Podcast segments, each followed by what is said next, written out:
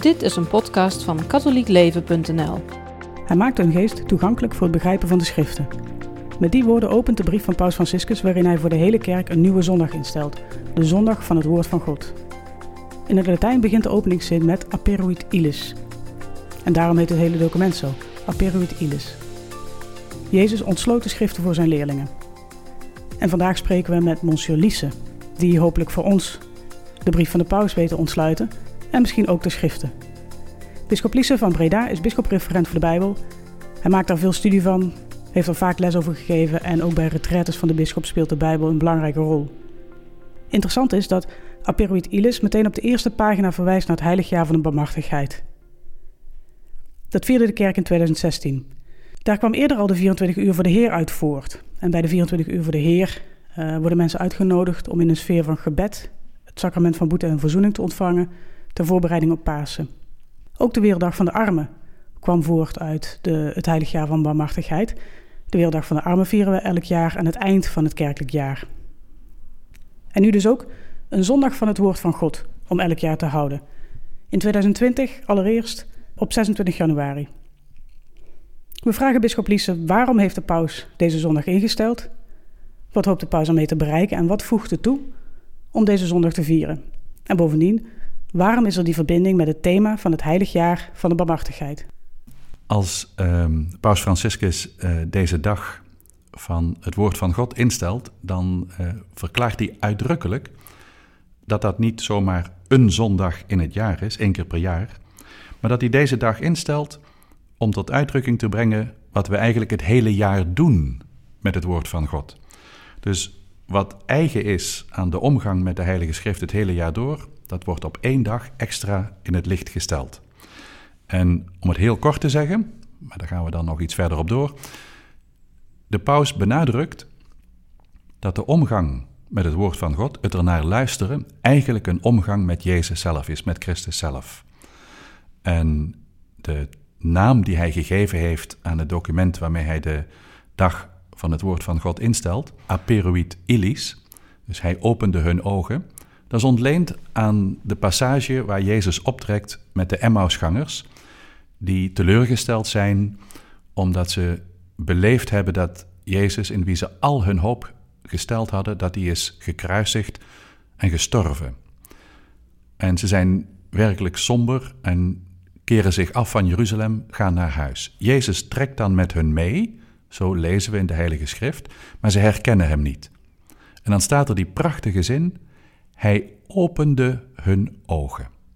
Nou, die ervaring van die allereerste leerlingen, die van een in hun ogen nog een vreemde te horen kregen wat de schrift werkelijk betekende, wat God werkelijk deed en doet met Jezus, die ervaring, die is de ervaring eigenlijk voor ons allemaal. En zo'n zondag van het woord van God, dat wil Paus Franciscus uitdrukkelijk neerzetten als een kans voor ons allemaal om die ervaring op te doen dat Jezus met ons meetrekt en ons de ogen opent.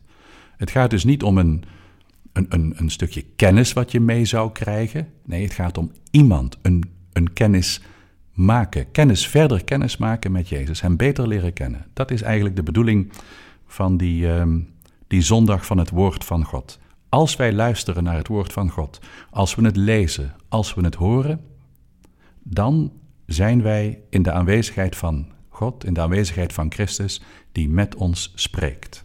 En wat voegt het toe om deze zondag dan eh, te gaan vieren? Wat denkt u dat de pauze van verwacht?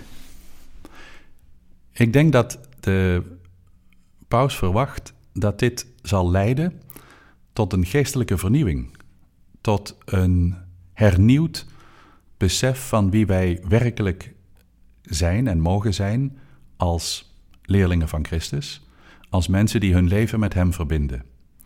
Dat is niet een kwestie uh, van een papiertje, een doopbewijs, maar dat betekent een nieuwe manier van leven in verbondenheid met God, met een uitzicht naar voren uh, dat geweldig is.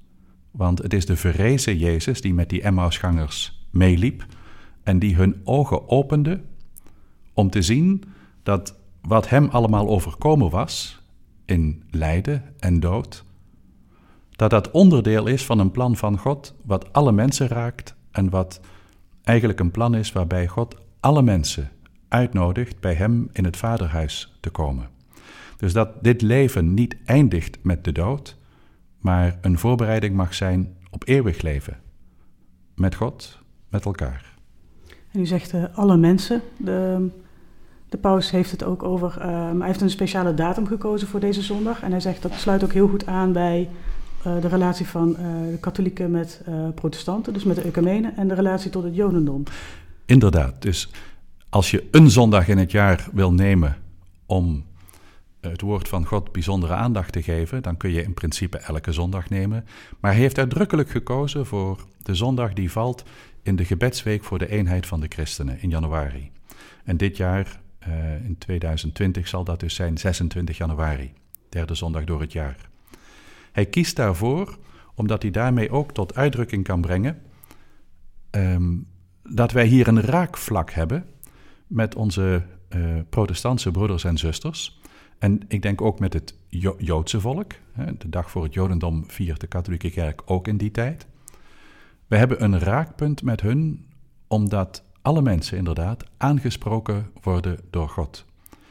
En ook voor hun is het woord van God van eminent belang. Um, dat delen wij met hun. En het is mooi om die ecumenische dimensie van dat woord van God op die manier uh, te laten oplichten. Dus het wordt nog duidelijker, ook voor alle katholieken. Hè, als wij dat in die tijd van het jaar vieren, die aandacht geven aan het woord van God, dan zijn we ook dicht bij elkaar met onze protestantse broeders en zusters en het Joodse volk. We luisteren naar het woord van God, maar we zijn niet de enigen die luisteren. Ieder moet antwoord geven, maar wij zijn niet de enigen die antwoord geven. En ik denk dat dat een, een mooie uh, gebaar is van de paus, een goede keuze om die dag die je dan ergens in het jaar wil hebben, precies in die tijd te nemen.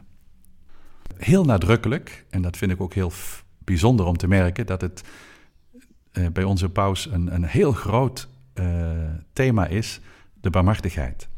En dat jaar van de barmhartigheid in 2016 ligt alweer even achter ons, maar hij blijft erbij aanhaken. Je merkt dat het een hele fundamenteel gegeven voor hem is. En dit, deze zondag van het woord van God haakt daar ook bij aan, op een bijzondere manier. Je zou kunnen zeggen, denk ik, dat jaar van de barmhartigheid, dat heeft als basistekst, als grondtekst als het ware, de parabel van de barmhartige Samaritaan. Het is een parabel die Jezus vertelt wanneer hem gevraagd wordt, ja, hoe moet ik God en de naaste lief hebben? En wie is dan eigenlijk mijn naaste? Jezus vertelt dan die mooie parabel van een man die op reis is, die overvallen wordt en half dood wordt achtergelaten. En dan komen er mensen langs, allereerst een, uh, een Joodse priester en, en dan een leviet, en tenslotte een vreemdeling, een Samaritaan. Die eerste twee lopen er met een boog omheen, maar die Samaritaan, die vreemdeling, die eigenlijk niet zoveel met het Joodse volk op heeft, dat is degene die zich over die gewonde man ontfermt en voor hem zorgt en zelfs terug zal komen om nog aan te vullen wat nodig is. En dan stelt Jezus die cruciale vraag: wie is nou de naaste geweest voor die gewonde man? En daarmee draait hij de vraag eigenlijk om. Want de vraag die gesteld werd aan Jezus was: Wie is mijn naaste? Hoe groot moet ik de cirkel om mij heen maken? Wie valt er allemaal in? Voor wie moet ik goed zijn? En Jezus draait het om.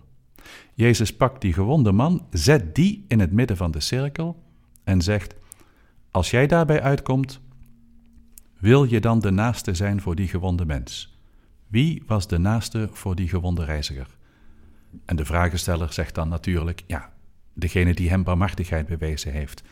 En dan sluit die parabel met een geweldig, eenvoudig, maar zo raak antwoord van Jezus. Hij zegt: Ga dan en doe gij evenzo. Deze parabel is de basis onder het jaar van de barmhartigheid. Als we nu die zondag van het woord van God vieren, dan is er een andere parabel van Jezus die daar de basis voor vormt, maar die heel dicht bij de parabel van de barmhartige Samaritaan komt. Jezus heeft een parabel verteld die wij zijn gaan noemen de parabel van de zaaier. En die parabel is een hele eenvoudige ook. Jezus sprak juist in parabels om in eenvoudige woorden te kunnen spreken over God en mensen. In die parabel vertelt hij dat een zaaier zaad uitzaait. En dat valt deels op de weg, dat valt deels op ondiepe grond, het valt deels tussen distels en doornen en het valt deels op goede grond. Nou, het zaad dat op de weg valt, dat wordt door de vogels opgegeten, daar komt niks uit. Het zaad dat op ondiepe grond valt, dat schiet wel eventjes op, maar het heeft nauwelijks wortel en als de zon opkomt, dan verdort het. Het zaad dat tussen distels en doornen valt, dat schiet ook wel op, maar het wordt verstikt en brengt eigenlijk ook niks voort. Maar dat laatste, dat zaad dat op goede grond viel, dat brengt rijke vrucht voort, honderdvoudig, zegt Jezus in de parabel. En dan eindigt hij met een soortgelijke zin als bij die parabel van de barmhartige Samaritaan. Hij zegt, wie oren heeft om te horen, hij luisteren. En die hele parabel van dat zaad dat gezaaid wordt, dat is een beeld voor God die met ons spreekt. God spreekt tot ons en dat is als zaad dat op de grond valt. Wat doe je met het woord van God? Dat is waar de parabel over gaat. En onze paus heeft in Aperuit illis een uitdrukking gebruikt die misschien niet zo dagelijks is. Hij spreekt over het performatieve karakter van het woord van God. Wat hij daarmee bedoelt is, het woord van God maakt een performance, zo zouden wij het tegenwoordig eerder zeggen. Bewerkt iets, brengt iets tot stand. En in deze parabel van het woord van God zie je dat gebeuren. Je beleeft het. Je beleeft het. Want op het moment dat die parabel verteld wordt, ben jij degene die het hoort.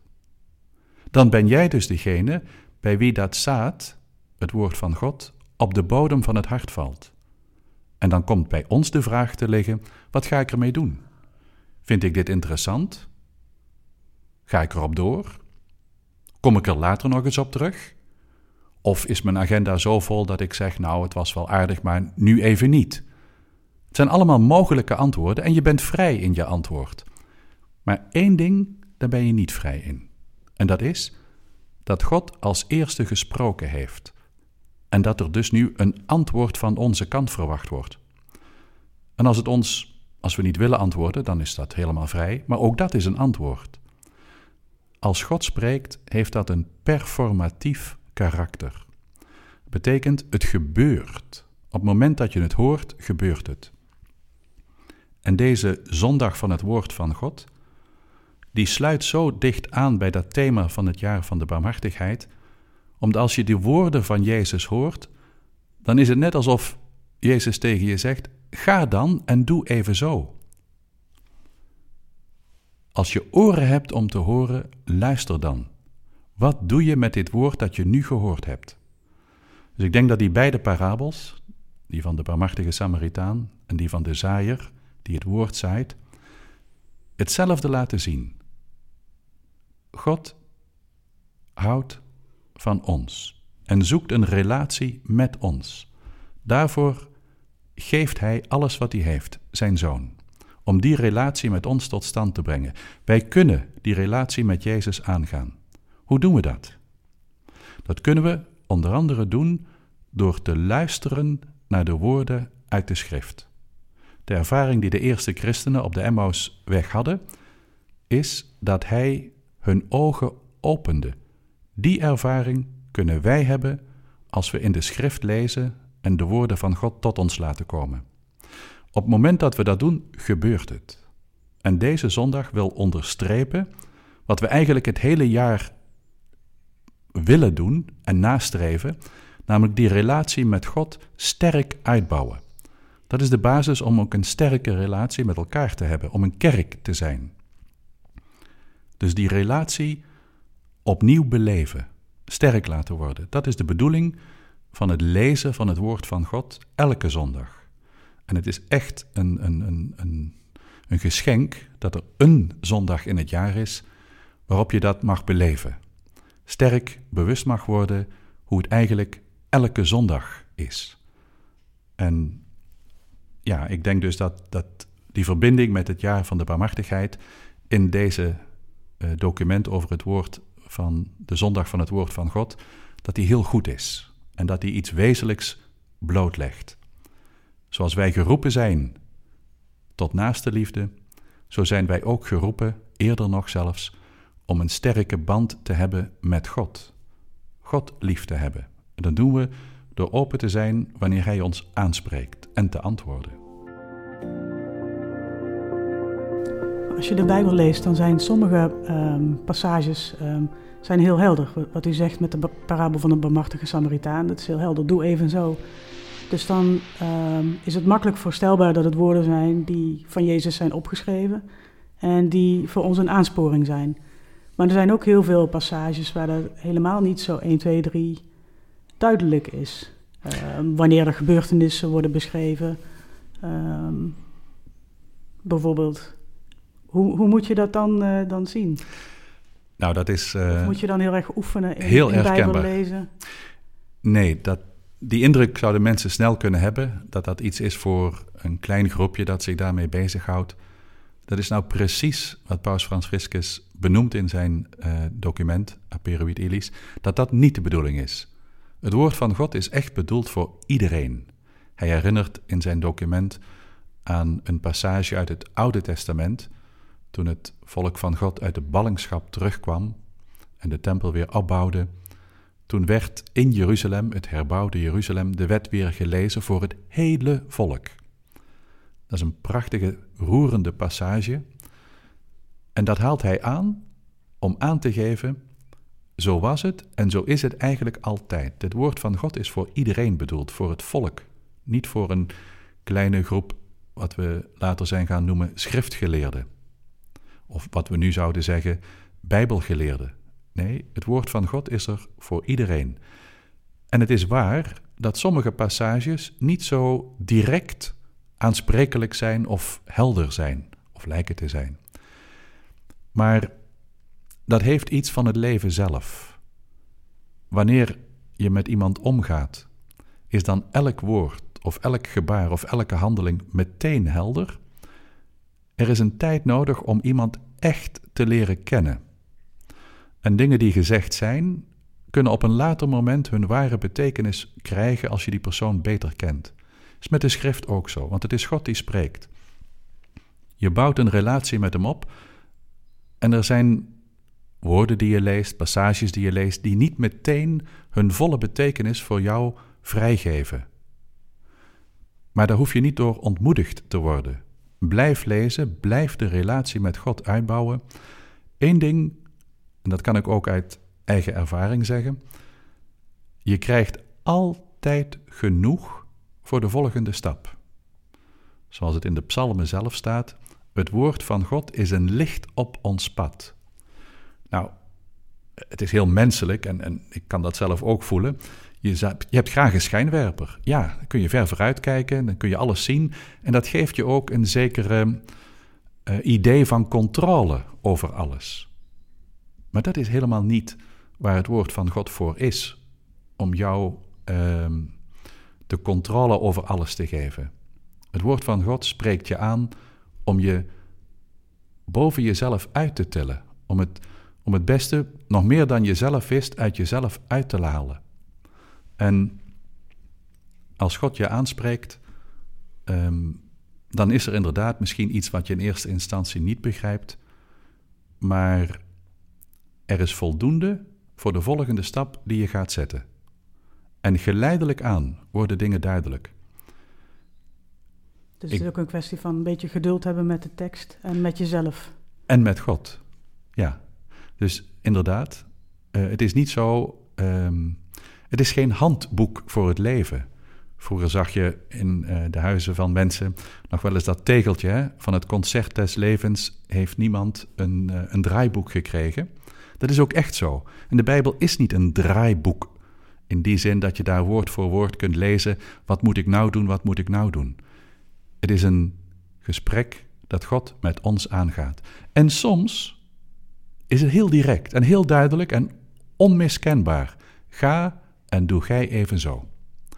Maar soms is het ook een gesprek dat wij nodig hebben om tot een andere houding te komen, zodat wij een andere kant uitgaan, een bekering doormaken.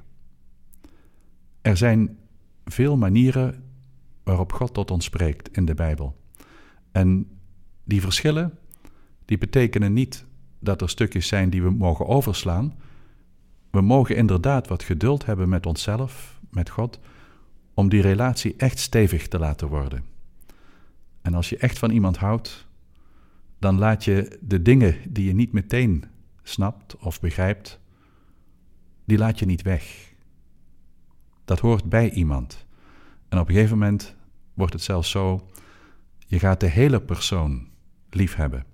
Met alles wat daar is. Zelfs die dingen die je niet meteen begreep, die horen daarbij. Dat is denk ik ook zo met het woord van God.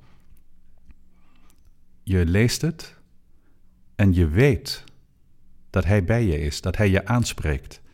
En je wil die relatie sterker laten worden, die ervaring van de eerste christenen opnieuw beleven. We doen dat in principe in onze kerk. Elke keer als we op zondag samenkomen, hè, op het verzoek van Jezus, blijf dit doen om mij te gedenken. We lezen dan in de schrift en we ontvangen dat sacrament van het altaar om met Hem verbonden te zijn en zo te kunnen leven. En daar mag je tijd voor nemen, het hele jaar door. Dit was deel 1 van de podcast met Monsignor Lise. Wilt u luisteren naar deel 2? Klik meteen door op katholiekleven.nl.